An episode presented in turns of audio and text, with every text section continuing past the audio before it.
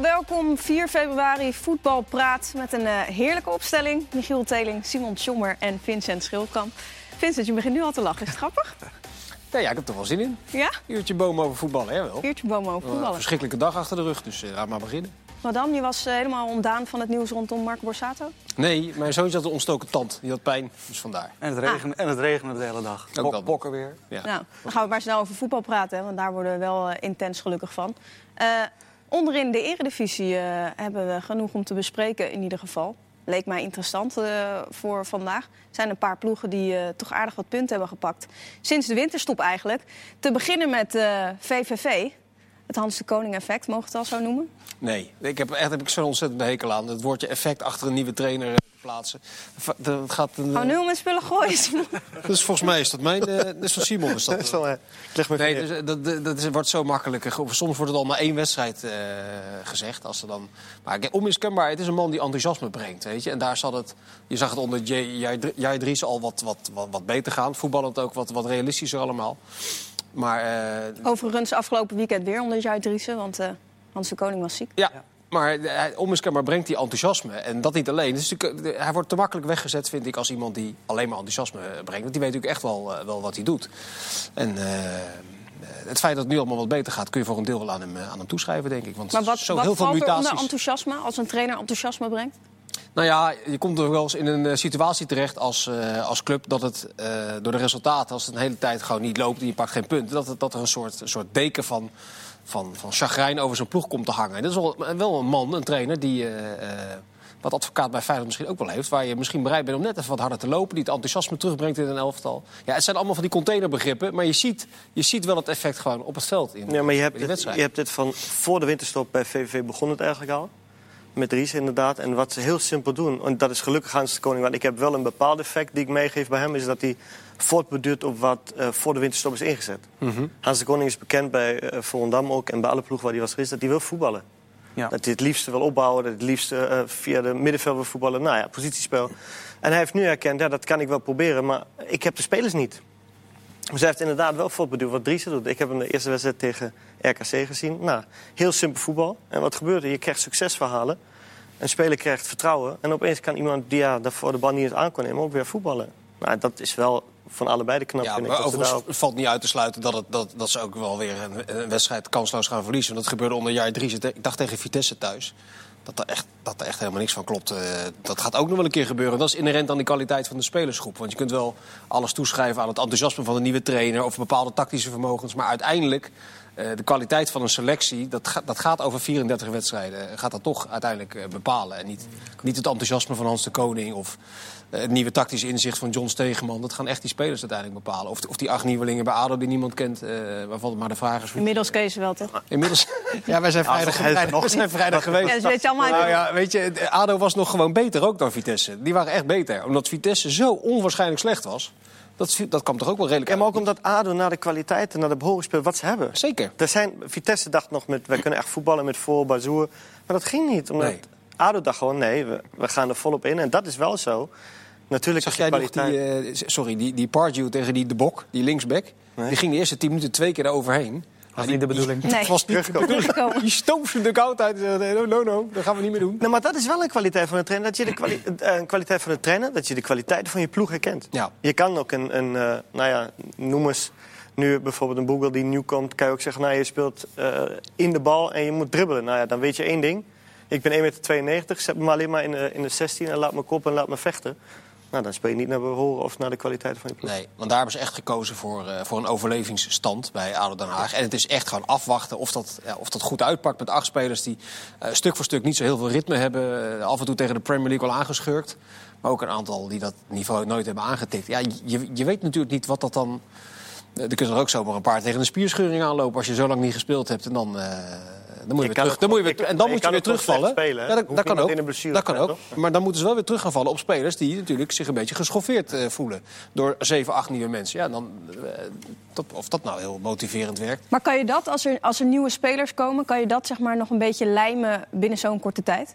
Want dat, dat vind ik de riskante eigenlijk een beetje. Als je dusdanig veel nieuwe spelers haalt, dat je een beetje die dynamiek in een groep ook, want dat is ook iets wat moet ontstaan, toch? Nou, we, hadden, we hadden de aanvoerder natuurlijk mij aan de, aan de uh, microfoon na de, na de wedstrijd. En daar werd ook gevraagd hoe pak je het op. Hoe is het in de groep? Nou, toen was hij heel, nou ja, zeggen, uh, politiek correct. Dat Ja, zegt, nou, ze zijn behouden. goed ontvangen en ze gedragen zich goed. Maar ja, wat Vincent ook zegt, als inderdaad iemand jouw plek neemt... en op een gegeven moment presteert hij, maar ben je wel naar achteren gezet door een speler die gehaald is. Voor een halfjaartje om je te redden. Dus dat is nooit makkelijk voor de spelers die er al zijn. En dat moet ook goed vallen. Kijk, met succes zal niemand wat zeggen. Dan is het goed. Maar als succes uitblijft, ja, dan beginnen natuurlijk ook de verhalen in de kleedkamer op te staan. Ik kan me wel voorstellen dat er onder die nieuwe spelers wel meteen een soort van verbondenheid ontstaat. Zo van, nou ja, wij zijn nu gekomen, eh, sommigen misschien voor een half jaar, sommigen voor anderhalf jaar. Die willen volgend seizoen ook in de Eredivisie spelen.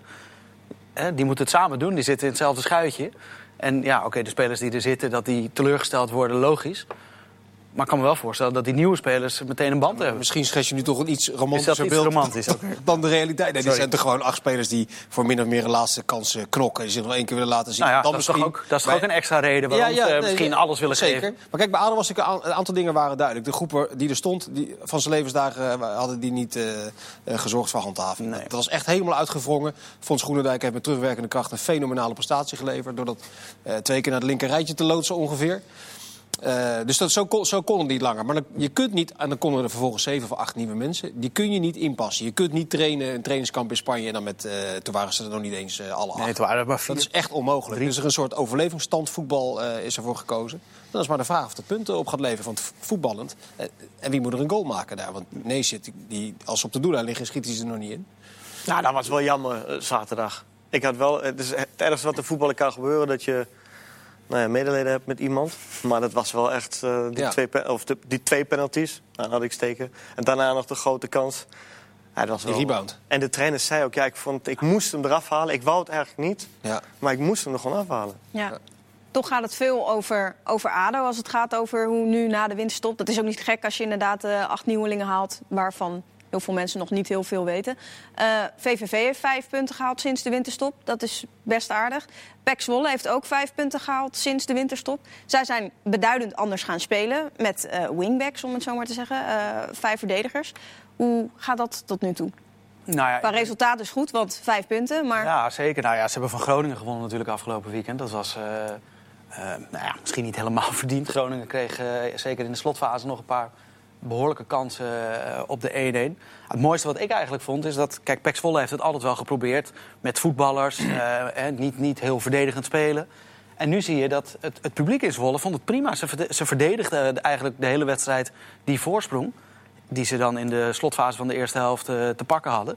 En ja, het publiek pruimde het wel. Die hebben zoiets van, als we maar punten pakken, dan is, dan is het goed.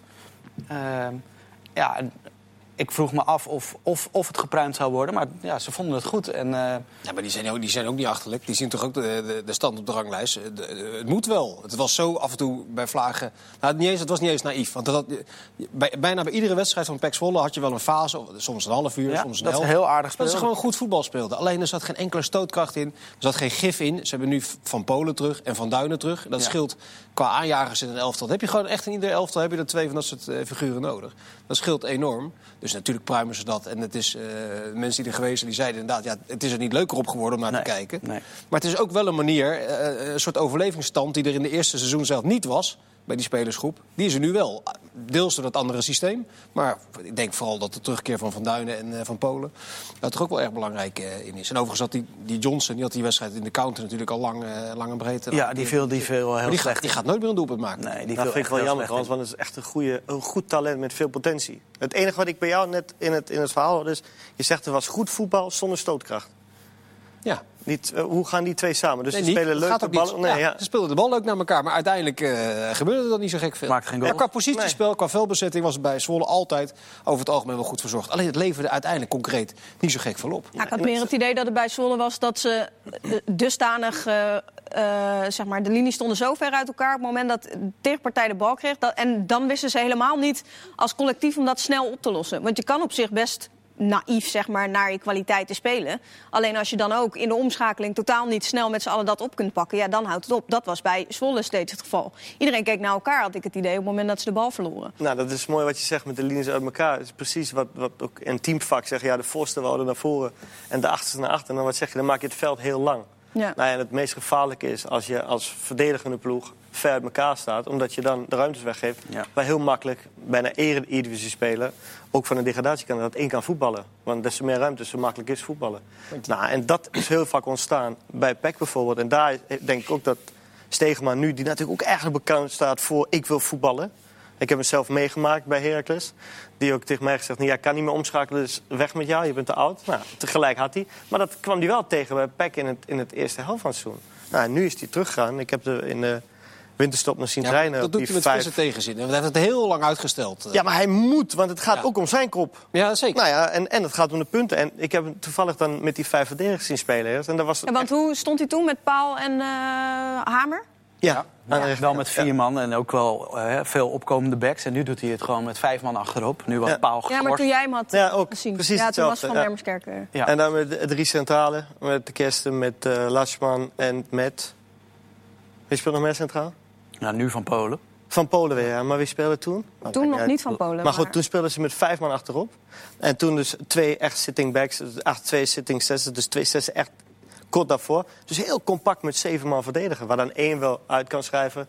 En kan, eh, kan meedoen in de aanval van de, van de backs. Maar de rest bleef inderdaad echt verdedigend staan. Dus die ruimtes dan misschien wel naar de aanval groter maken. Maar achter wel compact te kunnen staan met zes man. En nog, Toch- nog toch even- het sorry, nog wel- even over die Dennis Johnson. Dat is toch een mysterie? Als je, die, als je toch ziet hoe die beweegt, hoe snel die is, wat voor aannames die Hij heeft eigenlijk alles voor een buitenspeler. Ja, en eh. ik kan me zo goed voorstellen dat je iedere trainer die die gozer ziet op de training denkt... nou, dit is echt het talent van de buitencategorie van deze selectie. Maar dit is toch, dit is toch echt- wat je heel vaak hoort hoor met al drie- jongens die. hoor nee, maar ik bedoel meer van jongens die heel lang talent zijn geweest. En die heel lang, jaar op jaar, gewoon in elk team gewoon technisch gezien een van de betere zijn. Maar hoe kan het nou dat dat kwartje, dat, dat kwartje bij die jongen Nou, maar ik denk niet dat dat zozeer een kwartje is. Ik denk dat je dan in je, in je mentaliteit sowieso, los van of je dat dan überhaupt hebt, hè, of er een goede Mhm. kop op zit. Ik denk dat je in je mentaliteit dan sowieso een stuk achterloopt. En dat kun je niet meer omdraaien. Wellicht. Lastig. Wellicht. Ik denk dat je daar karakter voor moet hebben. Maar ik denk dat dat stuk, ehm, wa- wat je ook vaak ziet met jongens die eh, lang in de jeugd van Ajax hebben gespeeld en het dan niet maken, die Mhm. hebben toch even de tijd nodig om. Om dat omkeerpunt te vinden en om, en om te realiseren: oh, wacht Ah, ja. even, ik heb niet genoeg aan. Zegt eigenlijk, ze vertrouwen dan te lang op hun talent dat het op die manier... Dat idee heb ik wel, ja, soms. Ja. En Dat bij Johnson ook zomaar kunnen, ja. Maar precies de aanname die jij hebt, die had ik ook. Dus ik heb gevraagd ook bij de club. Ik zeg, een beetje intern, hoe, hoe zit het met hem? En iedereen is positief dat hij keihard werkt, ook na de training. Dat hij extra oefeningen doet. Dat hij echt, hij wil de stap maken. En het lukt gewoon niet. Zo, ziet het niet uit. Nee, helemaal niet. Dat, die aanname, niet met je eens. Hij Ja, maar ik had die aanname Ik ben niet met je eens. Afgelopen ik zaterdag bedoel, viel hij echt gewoon... Hij viel super ongelukkig in, maar hij, hij was heel gretig. Hij, hij deed geen... één actie voerde niet te ver door. Dat leverde balverlies op, waardoor er meteen weer een aanval van Groningen kwam. Dat was slordig, maar... Ik had niet het idee dat het een mentaliteitsprobleem was. Of Nee. dit- niet in deze wedstrijd. Maar in het beginseizoen had hij, dat hij nog bij een 3-0 achterstand, Ja, ja. achterstand ging voor. voor- Ik weet dat jij Ja. niet bedoelt dat, dat hij niet de goede mentaliteit heeft. Maar dat puur daarom komt dat je altijd de beste was en daarop vertrouwt. Ja. Daarop terugleunt. Ja, gewoon, en nu gewoon je hij- basis, zeg maar, om, om het zo maar te zeggen. Ik bedoel niet dat hij niet eh, nog, eh, weet ik veel hoeveel ballen gaat trappen na de training. Of dat hij niet genoeg wil, daar gaat het niet om. Nee. Het gaat gewoon om waar je altijd op hebt kunnen vertrouwen. Wat altijd je basis is Maar dat geweest. kan nu niet meer. Nee. Dus hij moet, de, hij moet de volgende stap nu zetten. En dat is alleen maar door één ding. Zoveel mogelijk in de situatie terechtkomen. En zoveel mogelijk nederlagen overwinnen en weer opstaan. Om dan Ja. te kunnen groeien in, die, in de Eredivisie. Maar hij heeft het wel. Ik hoop ook nog steeds dat nog het eruit komt. Hij is nog steeds ik vind hem een geweldige aanleg hebben. Die Nou, de kwaliteiten heeft hij in ieder Ja, geval. absoluut. Toch is de tendens nu een beetje die je ziet dat eh, al die clubs gaan nu wat verdedigender spelen. Of realistischer, het is maar hoe je het wil bekijken. Maar ik vind het wel zonde. Ja, nou, maar ja, nu, nu PEC speelt nu tegen RKC komend week einde. Eh, Zaterdag. Ja, zaterdag is Dan hoeven ze het spel weer niet te maken. Die- Hè? Dan hoeven ze het spel weer niet te maken. Ja, dat hoop ik wel. Eh, maar RKC eh, maakt altijd het spel. Ja, dat, dat wil RKC. Ja, maar dat speelt Maar ze nu misschien wel niet. in de kaart. Maar P- ik hoop juist- het niet. Ik hoop het niet, want ik heb ze tegen AZ gezien. En ik heb voor het eerst in de rust gezegd... ze hebben 4-0 verloren, dat klopt. En ze hebben weer individuele fouten gemaakt, klopt ook. Maar ze hebben voor het eerst compact gespeeld. Ja. En of dat door AZ komt, dat ze zich Ja, echt tot, tot aangepast de 1-0, hebben... hè? Nee, ze Daarna was, hebben er, daarna was er weer... Nou, ik heb het ook zitten kijken. Daarna was er alweer een fase dat het echt wel weer een beetje uit elkaar viel na die, na die goal. Nee, het valt wel uit elkaar, maar ze staan wel compact. Ze gaan terug. Ze gaan als blok staan eh, van 20, 25 meter. En waar ik eigenlijk altijd op hamerde, ook eh, als we de wedstrijden keken van RKC... van het naïeve spel, linies veel te groot laten worden. Net als beperkt, dat had RKC ook. Leuk en balbezit, fantastisch, tot de 16 en opeens ruimtes weggeven. En, eh, ze Maar kijk, altijd dat compact, dat, of tenminste dat als blok gaan staan... dat is leuk als je dat goed uitvoert. Maar zolang je nog steeds houdt wat ze de eerste seizoenshelft ook hadden... grote kansen missen en veel individuele fouten... waardoor eigenlijk de meeste doelpunten tegenkomen... dan ja, kan je als blok leuk staan, maar dan... Je hebt vo- volkomen gelijk. Alleen is wel de eerste stap die ze moeten zetten om punten te kunnen halen. Ja. Want het was eh, de eerste helft, iedereen was positief. En de trainer, ja, het is hetzelfde verhaal en never ending story. Maar uiteindelijk was het iedere keer naïef en leuk. Ja, goed voetbal. Ja, maar is zal leuk. nu tegen PEC niet heel veel anders zijn. Wat interessant om te gaan kijken wat PEC gaat doen. Of die uit bij RKC de nummer laatst. Of ze dan wel wat meer initiatief gaan tonen. Of Maar ook maar wat moeten blijven ze doen, volharden vind dat jij? Nou, ik, blijf, ik denk dat ze moeten volharden in dat systeem wat ze nu hebben. maar dat gaan ze hebben ze dat gaan ze denk ik ook doen. Ze hebben dat systeem ingebouwd. En daarmee willen ze die, die overlevingsrace tot het einde volhouden. Nou, als RKC dus dan dan moet je dat niet uit bij RKC ineens... eh, Nee, en het is ook niet als je kijkt naar de kwaliteiten van Paul en van Hamer. Dat zijn wel twee jongens die prima op het moment dat je in balbezit bent... die je mee over de flanken kan hebben Ja. natuurlijk. Ja, daarom denk ik. Maar als je er succes, succes mee hebt tegen Groningen, dan doe je dat toch e- tegen RKC opnieuw. Nee, je moet het gewoon zo lang mogelijk volhouden, zolang het goed gaat. Ja, maar Twe- Twente is ook een voorbeeld van een, van een ploeg die heel erg eh, het seizoen begonnen met hoog druk zetten ook. Eh, Die wilde het initiatief hebben. Eh, die zijn er ook een beetje van teruggekomen. Ja, maar dat Dan zit je ook echt- meteen een beetje bij het eh, fronsen. Ja, dat lijkt me wel erg verstandig. Maar dat, omdat dat in het begin, inderdaad, die, die, die openingsfase van het seizoen is een beetje zand in de ogen gestrooid bij eh, Twente. Toen hadden ze 11 uit 6 volgens mij. Maar die spelersgroep was natuurlijk niet zo geweldig. eh, dat is daarna ook wel gebleken. Maar ze knijpen hem daar wel natuurlijk. Die willen dat niet nog een keer meemaken, zo'n seizoen in de, in de keukenkampioen-divisie. Dat was één keer leuk. Volgens mij als een soort tournee vonden die supporters ook wel grappig. Ja. Maar dat moet je niet te vaak hebben. Dat, dat, dat kan Volgens mij vonden ze dat niet zo leuk hoor. Nou, ze, volgens, eh, nee, steeds minder leuk naarmate het seizoen vorderde. Dat klopt. Maar de trainer en ook de, het beleid van de club hadden ook na deze wedstrijden door dat dit leuk is dat ze zoveel punten hebben gehaald. En het is leuk dat ze daardoor een bepaalde afstand creëerden. Maar ze wisten ook dat dit niet het echte gezicht van, eh, van Twente zou zijn in de Eredivisie. Daar was iedereen van zich van bewust. Het enige wat ze niet hadden verwacht is dat ze vlak voor de winterstop zo ver zouden Ja. terugvallen. En dat was wel frappant. En ja, nu is de trainer weer eh, eh, eigenlijk begonnen met... oké, we moeten nou ja, weer dit stabiel en goed met organisatie staan. Zelfs als je kijkt, misschien wel de beste speler Espinoza... is niet eens meer zeker van een basisplek.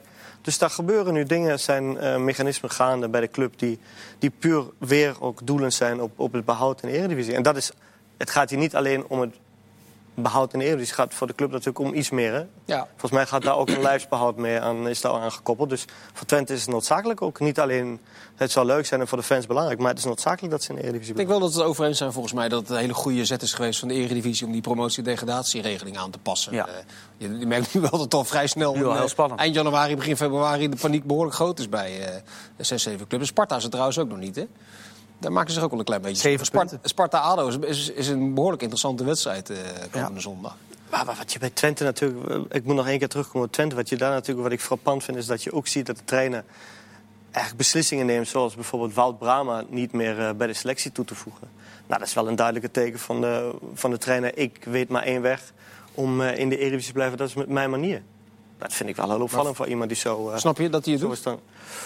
Dan. Nou, laten we zo zeggen dat een, dat een trainer zeker het minste risico probeert te nemen dat hij geen succes heeft. Dus hij Zo, denkt. Dit is, ik moet er ook heel even even over nadenken. Ik wil hem eigenlijk Dan zo uitschrijven ik rustig even Hij ontleden. neemt, hij, neemt dus, Tegeltje hij, probeert, hij probeert dus zo, ja, ieder risico te vermijden dat hij geen succes heeft. Dus wat gaat hij doen? Hij gaat kijken, oké, hoe kan ik mijn punten binnenhalen? Nou ja, normaal gesproken zeg je, een man als Wout Brama, eh, in de regio, in het team, met de ervaring, die heb je nodig in zo'n situatie. En zo zal de trein ook denken. En als hij dan denkt, ik laat hem toch liever buiten de selectie, nou, dan heeft hij dus drie punten niet in dezelfde richting Maar dan vindt met wat de trainer wil hebben. Jij- een heel lang verhaal om te zeggen dat hij hem eigenlijk niet goed genoeg vindt. nou, ik weet niet of het alleen goed genoeg niet vindt op het veld. Maar misschien is ook de hele instelling. Ik weet dat ik een oudere speler was bij, bij Heracles Almelo. En ik dacht ook, nou, ik weet het wel. Maar uiteindelijk redeneer ik alleen maar wat voor mij positief is. Dus ik wou ook het voetbal spelen wat voor mij positief is. Omdat ik ook het andere ten eerste niet meer kon. En ten tweede ook niet wou. Dus je was heel slim. Maar ik acht Wout Brama ook als heel slim. eh, als een van de slimmere spelers in de, in de selectie van Twente. Die precies weet wat hij moet zeggen om bepaalde dingen voor elkaar te krijgen. Maar dan wil je Om voetballen in dienst van jezelf en dus niet in dienst van het team. Ja, Maar weet je wat ik wel irritant hierin vind? Is dat er gewoon. Eh, Er is niet duidelijk waarom het nou precies gaat. En het is je goed recht als trainer ook om te zeggen: het is mijn beslissing. Want het is jouw beslissing, dus je kan het daarbij laten. Alleen vandaag heb ik ook weer twee stukken gelezen. Ook weer over deze hele situatie met Wout Brama. En je komt niet verder dan speculeren wat daar dan gaande is.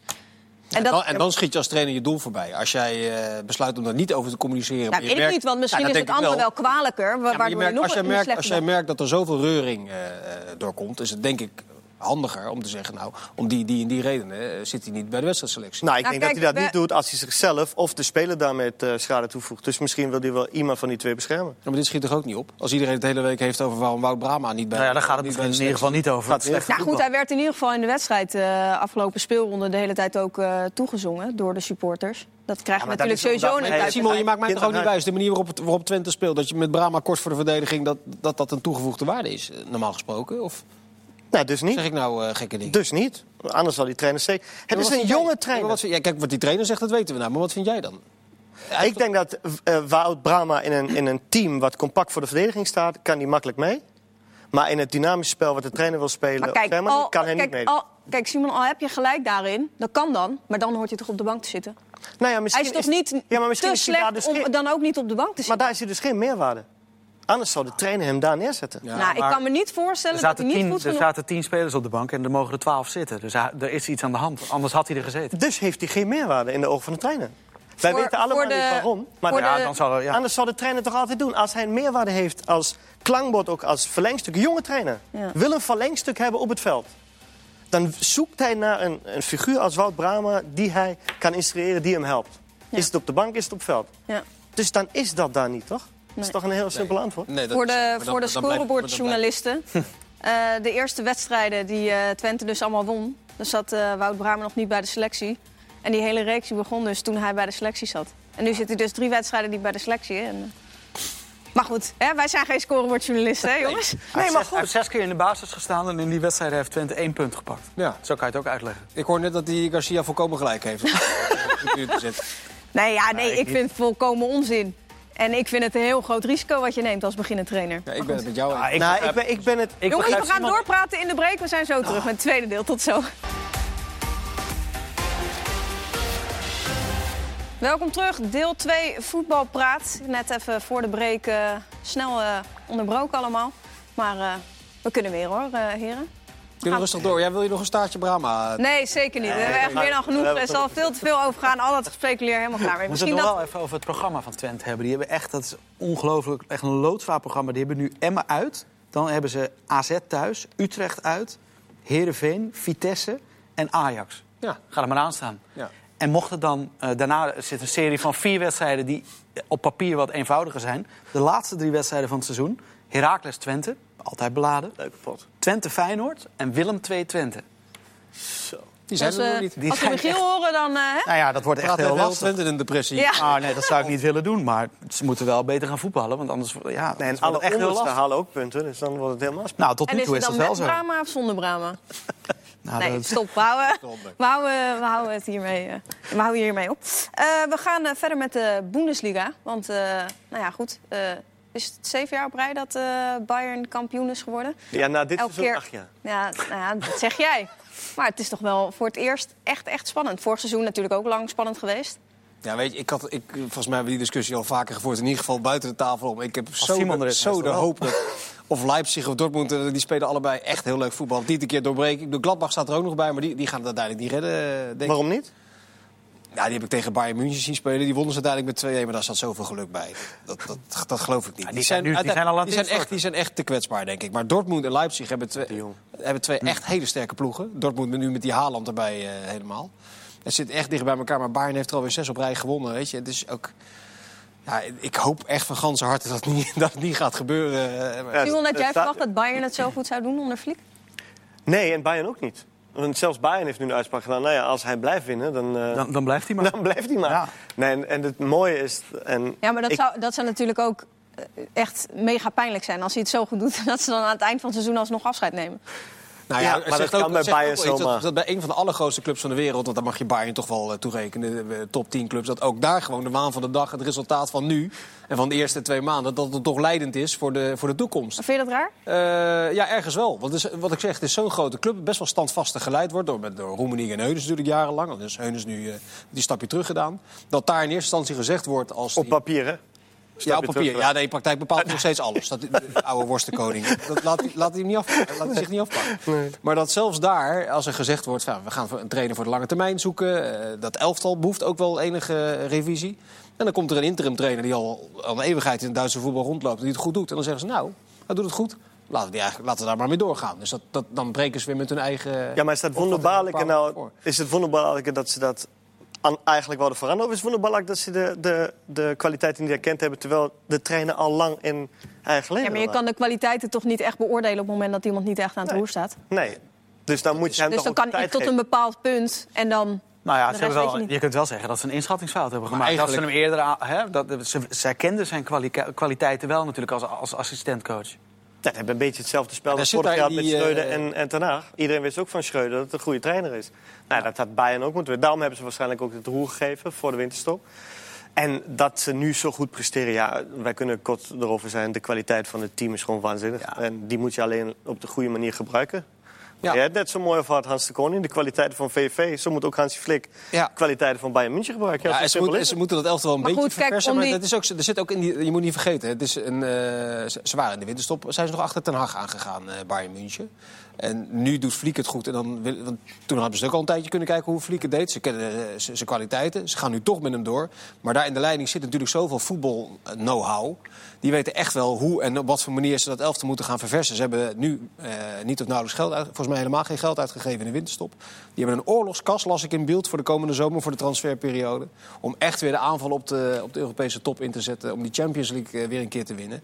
En dan vind ik het wel verbazingwekkend dat ze dat, eh, zoals het nu naar uitziet, als je die communicatie nu hoort, dat ze dat gaan doen met een trainer als, met alle respect, Hansi Fliek. En niet met een internationaal. eh Ja, want doet, doet Fliek, om het zo maar te zeggen, hij heeft gewoon een hele goede ploeg. Doet hij verrassende dingen? Ja, hij heeft die Davies linksback gezet. Dat was wel behoorlijk verrassend. Ja, en hij had toen ook eh Coutinho en nog iemand op het middenveld die hij toen op de bank zette. Omdat hij koos voor spelers die hij goed kende. Ja. Dat vind ik ook niet heel gek Nee. als je net ergens als trainer komt. Ook al is het een grote naam. Maar het is voor een beginnende trainer best wel een dingetje, vind ik. Om een eh, speler die als aanvallend talent bekend staat. eh, een van de grotere talenten. Ik dacht die 18 of 19 was. Om die gewoon linksback te zetten. Die Alaba is volgens mij naar het centrum. eh, Ja, maar het heeft wel, hij is in hij is daarmee heb je al wel- wel gehaald ook voor die positie. Wat zeg je? Davies is wel gehaald ook als voor de. Ja. Ja, Hij is wel Waar? gehaald ook voor ja, ja absoluut. En hij En deed het in de, hij deed het in de voorbereiding op het seizoen deed hij het al heel erg goed, Davies. Het was eigenlijk gek dat hij er niet wat eerder in kwam, toen, de resultaten al minder Ja, maar je waren. kon Alaba niet van die plek afhalen. Omdat Dat- dat is natuurlijk- in Duitsland de beste linksback is Ja. die, die ze hebben. En eh, die waarschijnlijk ook op dit moment nog rondloopt in de Bundesliga. Alleen, hij doet het ook heel goed in setup. En hij wil er zelf ook spelen. Ja. En bij de, Davies bij de Oostenrijkse nationale ploeg staat hij gewoon centraal op het middenveld. Ja. Die kan echt alles. Ja, dat is echt een maar nou ja, laten we zeggen, hij kan op bepaalde kwaliteiten kan hij alles. Ik, ben dan niet, ik wil dan niet zeggen dat hij de beste centrale verdediger is in de Bundesliga. Maar hij heeft Ja, natuurlijk extra opbouwend is kwaliteit opbouwend weer. Wat wij ook in Nederland vaak zoeken. Een goede verdediger en een goede opbouwende. Nou ja, verdedigen kan hij ook. Mhm. Maar Davis is ook een, hele, een heel groot talent. Wat iedereen al wist. Maar goed, hij laat het nu ook zien in de Bundesliga. En daardoor is de stabiliteit ook van de ploeg gegeven. En ze hebben door alle linies... Ze hebben volgens mij de beste spits die er is in de wereld. Nou ja, we moeten afwachten wat Haaland gaat doen de komende maanden. Maar ja, ze hebben de beste spits sinds jaren.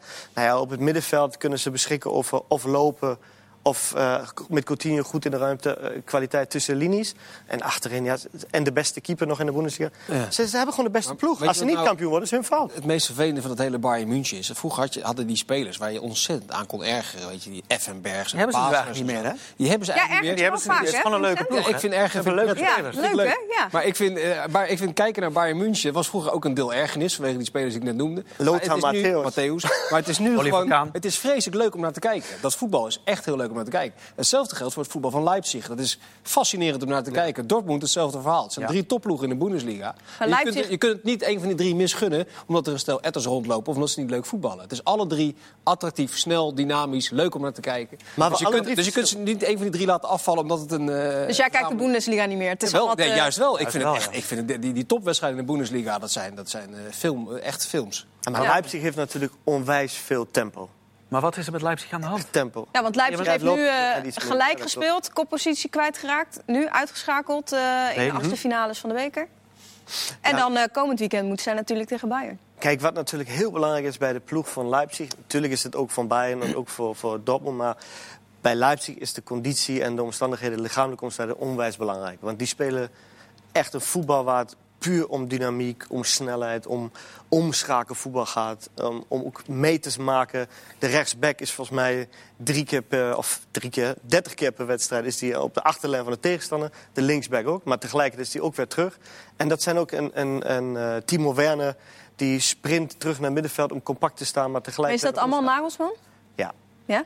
Ik Ja. denk trouwens wel dat in de aanloop naar die wedstrijd tussen Bayern München en eh, Leipzig... dat er toch nog ergens een berichtje in de beeld verschijnt komende week. Dat Timo Werner Nagels- dat Nagelsman en Werner komend zo. jaar bij eh, Bayern München. Ja, nou, zijn. ook. Ja, dat, dat kan, dat, dat, dat, dat spel is, wordt daar altijd gespeeld, weet je. Is trouwens Daar zijn, ze ook meester, daar zijn ze trouwens ook meesters in. Ja. En, dat, en trouwens, dat Leipzig speelt ook nog Champions League. Dus of, of de manier waarop ze voetballen, of die, die zijn er nog niet gewend. Hè? Dat, dat langere patroon van lang meegaan in Europa en al die wedstrijden spelen om het kampioenschap. Dus ja, weet je, alle, alle, alle seinen staan weer op Bayern München die toch, dat die het toch gaan redden. Maar ik hoop van ganse harte dat het toch... Ja, ik dacht eh, een paar weken geleden echt, Leipzig gaat, eh, gaat een serieuze kans maken. Maar inmiddels geef ik... Ja, toen, toen, toen was... Wat zei ik toen? Ja, jij zei Bayern. Ja, jij zegt altijd Bayern. ik dacht, ik, laat ik een keer iets leuks zeggen. hij is Nou, eigenlijk met Leipzig. hij is de Effenberg van deze tafel. Ja, maar nou, weet je dat wat, zou- ik las- dat- ik las vandaag iets leuks. maar ik, ik, ik- ja. Ik las vandaag iets leuks. Je had je weer kunnen eerder gehad, ik gezien, als, als eh Neuer op het middenveld was gaan spelen. Neuer, Ja, de keeper. Ja. Hoezo? Ja, dat wilde, dat wilde, wilde Pep doen. Ja. Echt waar? Ja, Ja. Guardiola. Dus Tegen, die is tegengehouden. Hun- ja, Roemeningen is ervoor gaan liggen.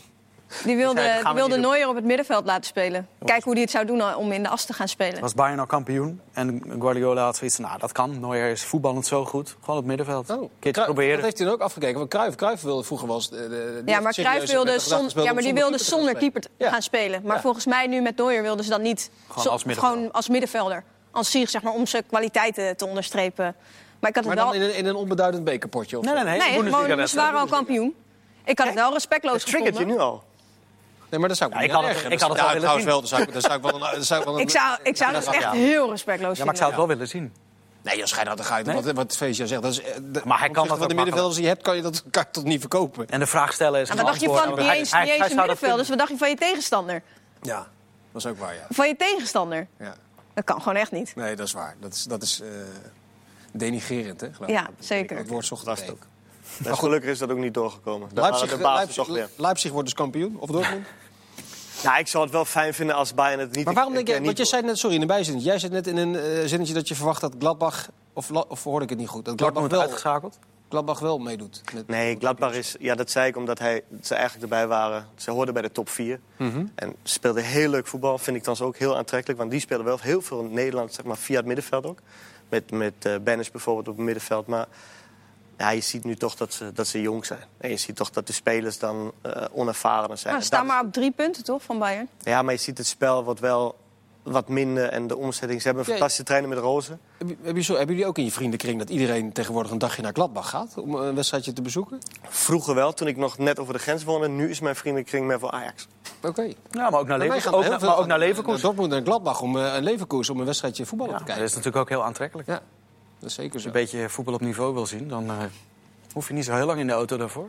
Oh, Jij, jij refereert nu aan de laatste editie van eh, Ajax PSV. Die... Nou ja, Die nee, maar, minder ik was bedoel, dan- Bundesliga voetbal, zeker in de top, is gewoon echt heel aantrekkelijk. Ja, Ja. dat is zeker, zeker waar. Ja. Er zijn ook in de achtste finales van, eh, van de DFB-bokaal wel een paar interessante wedstrijden geweest. Bremen heeft Dortmund uitgeschakeld. Ja, je zit met een schuin oog te Ik kijken. zit met een schuin oog te kijken. Jullie zijn al de hele uitzending met een schuin oog aan het Ik kijken. zag een eh, derde minuut extra tijd nog een geweldige kans voor Haaland, maar die ging Ja. er niet in. Ja, de pest is Hij miste af en toe ook een kans. omdat het ook een geweldige wedstrijd is. Ja, Ja, maar maar dat is, dat, is wel, dat is wel het fenomeen. En ik ben wel heel erg benieuwd wat daar ook in de Bundesliga gaat gebeuren. Ik, eh, ja, als, als deze persoon, deze speler zo doorgaat tot de zomer... Dan ah, hij moet eigenlijk gewoon nu stoppen. Ja. Dan heb je wel een aardig mooi in. Maar jij zei dat er, er zit een clausule in het contract dat hij... eh hoe zat Nee, dat hij heeft een clausule, het schijnt, hij heeft een clausule in, in het contract Van staan. Haaland, ja? Ja, maar die schijnt dus pas volgend jaar... eh, Volgende zomer. Komen. Ja, volgende zomer. Dus deze zomer nog niet. Dus, dus in 2021 kan hij voor 75 miljoen kan die weg. Eh, begreep ik dat de clausule was. Maar in de zomer kunnen ze vragen wat ze willen. Dus nu. Nou ja, ik denk 120. dat hij niet minder dan... eh, als je er kijkt wat de prijzen zijn voor de spelers inmiddels in de wereld... kan ik me niet voorstellen dat Dortmund hem voor minder dan 100 miljoen gaat verkopen. Nou, dat zeker niet. Nee. Nee. nee. En terecht ook. Maar ja, de vraag is, gaat hij al in de zomer? Ik ben wel benieuwd. Of de grote nu wel wakker worden en zeggen, nou, nu trek ik het portemonnee aan. En is hij zo verstandig? Want ik vind de keuze Borussia Dortmund fantastisch. Nou, hij moet toch anderhalf of tweeënhalf jaar in de Bundesliga spelen? Een fantastische We gaan het eerst gewoon natuurlijk Ja. gewoon even afwachten. Want het zijn nu natuurlijk maar een paar wedstrijden. We gaan een streep zetten onder eh, het Duitse voetbal. Eh, want eh, jullie kunnen oneindig doorgaan, heb ik het idee. Eh, even wat anders. Vandaag is ook, eh, of tenminste gisteren eigenlijk al... een onderzoek naar buiten gekomen, gepubliceerd door Eén Vandaag. eh, in samenwerking met de Spelersvakbond. Ehm, waarbij, moet ik het goed zeggen... 28 aanvoerders van de Eredivisie en de Keukenkampioen-divisie zijn ondervraagd. Of tenminste moesten een vragenlijst invullen over eh, discriminatie in de voetballerij. Stuk gelezen. Ik heb het zeker gelezen, ja. Vond je ervan? Nou, het, ehm, ik- Wat was de ook- strekking? Laten we daar even mee. Zo, nou, er is een onderzoek gedaan onder de eh, aanvoerders hoe ze dat ervaren in het veld. Of er sprake is van discriminatie onderling, eh, hoe het vanaf de tribunes komt. En een, behoorlijk aantal aanvoerders stelden dat ze inderdaad met enige regelmaat iets hoorden eh, vanaf de tribunes. Maar dat het op het veld, dus onderling bij de spelers, onder teamgenoten, onder tegenstanders, dat daar eigenlijk gewoon helemaal nul sprake is van, eh, van racisme. En dat vond ik eigenlijk wel eh, op het gevaar dat het nu wel heel zacht klinkt, vond ik best wel hartverwarmend om te lezen. Want voetbal, een voetbalelftal, een voetbalwedstrijd is de ultieme afspiegeling van de maatschappij. Nou, als je kijkt naar achtergronden, naar, naar culturen, et cetera. En, en de spanning is hoog. En dat onder die hoge spanning, onder die hoge druk... mensen toch niet, eh, als je elkaar uit de tent probeert te lokken... of uit balans probeert te brengen, terugvalt op, op eh, huidskleur of wat dan ook... dat dat helemaal niet gebeurt. Dat vind ik wel een hele prettige gedachte, eerlijk gezegd. En dat Ja. er in de anonimiteit van de tribune nog wel met enige regelmaat iets geroepen wordt, dat is eh, meer dan vervelend. Dat is heel erg zelfs. Maar daar moet inderdaad justitie maar eens mee aan de slag gaan. Dat kun je niet bij clubs neerleggen of bij, eh, of bij bestuurders of wat dan ook. Dat, dat, daar geloof ik niet zo in. Dus dat was, zoals ik het las, de, strekking van het, van het artikel. Ja, eh, ja, onderin het artikel werd dan benadrukt dat dan 8 februari, dus komende zaterdag, een plan komt van de KNVB. En ehm, in samenwerking dan met het kabinet om het aanvalsplan om racisme en discriminatie tegen te gaan wordt gepresenteerd. Eh, nou ja, daarin zal vooral dan komen wat, eh, ja, wat de consequenties zullen zijn. Maar wat, wat kunnen consequenties zijn?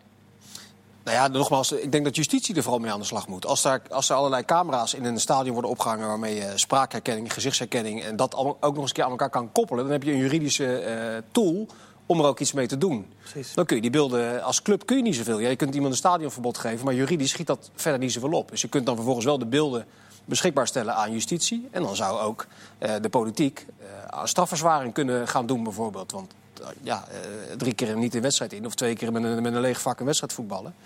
Je moet de individuen aanpakken. Als er 10.000 mensen in een stadion zitten en 10 gekken roepen iets... is dat 1 promiel. Dat is echt heel erg weinig. Er zijn gewoon 999 op de 1000 mensen die zich wel gewoon fatsoenlijk Ja, ik, ik, ik moet ook zeggen dat ik, ik weet niet hoe dat bij jullie zit, ongetwijfeld ook, dat mensen die je dan spreekt naar aanleiding van het incident met eh Mendes Morera, dat mensen dan beginnen over de voetballerij en over eh, Ja. Nou ja, voetbalsupporters en gewoon Politici met name struikelden over elkaar heen om die conclusie te trekken. Ja, ook. Maar ook gewoon, ook gewoon mensen in mijn omgeving eh, die niks met voetbal hebben... die dan beginnen over hoe voetbalsupporters zijn. En ik probeer dan altijd te benadrukken van... Ik vind het heel makkelijk, ook van de politiek, om te kijken naar de voetballerij en te zeggen van hé, hey, ja, daar gebeurt het. Ja, dat is niet zo gek, want daar is het elk weekend Ja. dat je zoveel duizend man bij elkaar zet. En dan zijn er wel een paar die zich misdragen. Ja, maar, Ja, maar we moeten toch breder trekken dan het stadion. Dat is toch Nee, maar dat is, dat is wat ik Precies. zeg. Maar het stadion Daar is wel de plek waar Dus elk om- weekend zoveel mensen bij eh, elkaar Wat zitten. ik zeg, bij, bij, bij, eh, Den Bosch zijn er uiteindelijk geloof ik 18 of zoiets. Zijn er, dat zit dan in een tribunevak. Nou, dan, dan ligt de verhouding wat hoger dan 1 promiel, dat ben ik met je eens. Maar als er in een stadion 30, 40.000 bij- mensen bij elkaar komen... en je hebt dadelijk die geavanceerde beelden... en je haalt er 10 of 15 uit die dat doen... ja, in een samenleving op straat heb je, je hebt overal gekken. Ja, maar je hebt dan eh, twee conclusies. Nummer één is ten eerste voetbalstadion passé, is klaar. Ja. En ten tweede gewoon het recht eh, laten, laten Ja. spreken. En vanuit justitie en ook vanuit de, de maatschappij, niet alleen van het voetbal. Dit is een maatschappelijk probleem en daar moeten wij als, eh, als geheel voor Maar zorgen vind je het vervelend dat het, dat het in de voetballerij naar voren komt? In de zin van dat de discussie toch vaak hier gevoerd wordt. Niet hier aan tafel, maar in, in het voetbal aan zich. Ja, maar omdat het, het is toch een weerspiegeling. Dat gebeurt toch iedere week zijn zoveel mensen bij elkaar. En alles komt op een hoop en emoties spelen mee. Nou, daar zijn ook mensen bij die dan eh, zo verkeerd reageren. En sommigen eh, laten ook nog zien hoe ze van echte aard zijn. Dat je dat ook inderdaad niet alleen in het stadion moet aanpakken. Want het zijn gewoon een, is gewoon een persoon die naar het stadion komt als de persoon. En de reactie vertoont. Dat is niet, eh daar komt een persoon naar het stadion, wordt opeens een supporter. En dan doet hij dat en dan gaat hij uit en dan is het weer een persoon. Dus Het is een probleem wat eh, geheel moet aangepakt Maar worden. moeten we, het dan, moeten we het dan geen aandacht geven? Natuurlijk moet Jawel, jawel, aandacht- ja, absoluut. zeker. Ieder, ieder, ieder geval is, is te veel. Dus je moet het echt zien uit te bannen. En ik denk echt dat die, die, het installeren van die camera's dat dat een goede stap is. Omdat je daarmee eh, het, het rechtssysteem gaat, gaat helpen. Nou, en Om de straffen reden- mogen ook, eh, wat Ja, mij dat betreft, wat wat Vincent zwaarder. net zegt. Je moet er wel een straf aan kunnen hangen. Een stadionverbod is niet zwaar genoeg. En En, en een keertje plastic prikken in het park vind ik ook niet zwaar genoeg. Maar dus moet je het ook bij de voetbalclubs weghalen. Je moet het, hè, de, de, zeker. de overheid moet dit doen. Eh, justitie moet dit doen, want je moet kunnen vervolgen. En dat kan een voetbalclub niet. Nee. Nee. Om eh, nog even met eh, irritatie te eindigen, omdat je dat zo fijn vindt, eh, Vincent. Jij eh, wil nog Nee, even iets Er zeggen. is een over- hele groot verschil tussen ergernis en irritatie. Oké, waar wil Ergernis je... heeft toch wel iets, ook iets prettigs, vind ik. Ja, vind je? Puur persoonlijke eh, Oké, nood. dan gaan we het hebben over ergernis. Jij hebt je een beetje geërgerd aan eh, Nijhuis. Eh, ja, daar heb ik me wel aan gaan zitten ergeren. Ja. Ik zat, eh, Of was het toch meer irritatie? Nee, ergernis. Oké. Heeft sta- zacht gefloten? Wat zeg je? Te zacht gefloten? Nee, hij was Nou, hij het Hij goed was fluit in zijn eh, mond, hoor. Gaat toch nog over Ajax Een beetje raar. Hij was, hij was bij, hij ging gisteren, gisteren zat hij bij de collega's van eh, Veronica Inside. Ik had eerst een stukje naar eh, Jong Ajax Go Ahead zitten kijken, wat erg vermakelijk was. Dus ik was in een goed humeur. Toen zepte ik naar eh, de Was snel, collega's. dat was snel verdwenen. En toen ging die. Nee, maar wat, wat, wat me nou zo ontzettend ergerde. Als je nou daar gaat zitten, eh, prima. Hij zit daar wat mij betreft iets te veel. Omdat ik niet, dat niet bij een rol van scheidsrechter vind passen. Maar goed, daar kun je eh, drie dagen over, ja. over discussiëren. Maar als je daar gaat zitten en je wordt geconfronteerd met een eh, fout. Daar heeft Kuipers inmiddels ook wel over gezegd. Nou, dat was een fout. En je gaat dan zeggen... Ja, maar het probleem is wel dat, dat er eh, een aantal hoeken zijn waaruit je het kunt bekijken. En in de, bij hoek 3 kon ik zien, dus 100% penalty. Maar bij hoek 1 ging ik twijfelen. Ja, hè, hè, daar zijn nou al die beelden voor bedacht. Dat jij de beste, de beste hoek eh, Eruit gaat kiest, pakken. ja. Als een rechercheur een verkeersongeval eh, eh, gaat onderzoeken... dan gaat hij toch naar de ooggetuige die dichtstbij staat. Dan gaat hij toch niet aan de vent vragen die half achter een lantaarnpaal staat... of aan de man die 150 meter verderop heeft gestaan. Dat is toch volkomen kolder? Dat zit hem goed Ja, maar ik, weet je wat, ik, ik kan me dan gewoon zo aan ergeren dat het... Want ik denk dat ook de achtergrond is dat ze elkaar gewoon uit de wind houden. Vorig jaar in die wedstrijd is eh, Kuipers twee keer naar de kant geroepen door Van Boekel. Om twee gevallen die echt een stukje minder duidelijk waren dan, dan, eh, dan dit penaltymoment. En die heeft het toen moeten terugdraaien door, door het ingrijpen van de VAR eh, van Boekel. En ik heb echt het vermoeden dat Kuipers, en ik kan het niet hard maken... maar dat Kuipers en Nijhuis, twee grote persoonlijkheden... tegen elkaar gezegd hebben, tenzij iemand eh, een been verliest... gaan wij elkaar niet corrigeren. Ja, ja, dat denk ik heel ja, dat sterk dat dat ik erachter zit. En daar heb ik me even lekker aan zitten ergeren gisteren. Ik vind ergernis inmiddels ook wel leuk.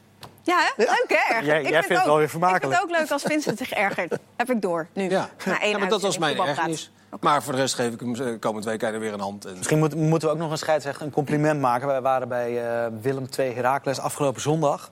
Kevin Blom raakt geblesseerd aan zijn kuit, hebben we allemaal kunnen zien. En eh, de vierde man mocht, eh, ja, die mocht het overnemen. Uit Kerkrade komt hij, Robin Henschens. Nou, die deed het voortreffelijk. Ik bedoel, een scheidsrechter is natuurlijk op zijn best... als je niet in de gaten hebt dat hij er is. Hij had wel een één minuut een gele kaart moeten geven. Nou, vond ik wel meevallen eigenlijk. Ja? vond ik, wel mee. ik vond echt dat hij het heel goed Ja, deed. dat was een jonge, jonge standpunt van de scheidsrechter. En jonge dan de eerste was... Ja. Een hele jonge jongen. Eh, die situatie met Dessers heeft hij heel goed opgelost. Eh, want daar, ja, daar was misschien wel sprake van contact. Maar het was ja, echt heel moeilijk te zien of het nou een penalty was of niet. Dus ja, ik vond dat hij het heel goed deed. Dat mag ook wel eens gezegd worden. Nou ja, over het algemeen. vaak dat serieus, dat. Nederlandse scheidsrechterskorps is echt prima aan orde hoor. Eh, alleen af en toe, eh, als mensen hun eigen regels gaan toepassen, dan kan ik me daar een beetje aan storen. Ja.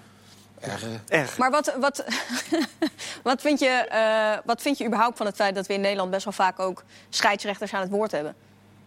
Nou ja, dat hoort toch een beetje bij de Nederlandse samenleving. Alles moet maar bediscussieerd en uitgelegd worden. Dus op zich eh, vind ik dat prima passen. Maar nog één dingetje hè, over die VAR. Hebben we nog 54 Ja, seconden? 50 seconden. Er is er wel een kan als je nou die wedstrijd van vorig jaar erbij pakt, Ajax PSV. Kenneth zei het volgens mij ook zondag of gisteren, zei het heel terecht. Hij zegt, nu zijn scheidsrechters een aanleiding aan het zoeken om iets niet eh, te hoeven doen, een penalty te geven, wat dan ook. En dat was een jaar geleden ongeveer omgedraaid. Dan gingen we in een loop zitten zoeken of wat er wel aan de hand was.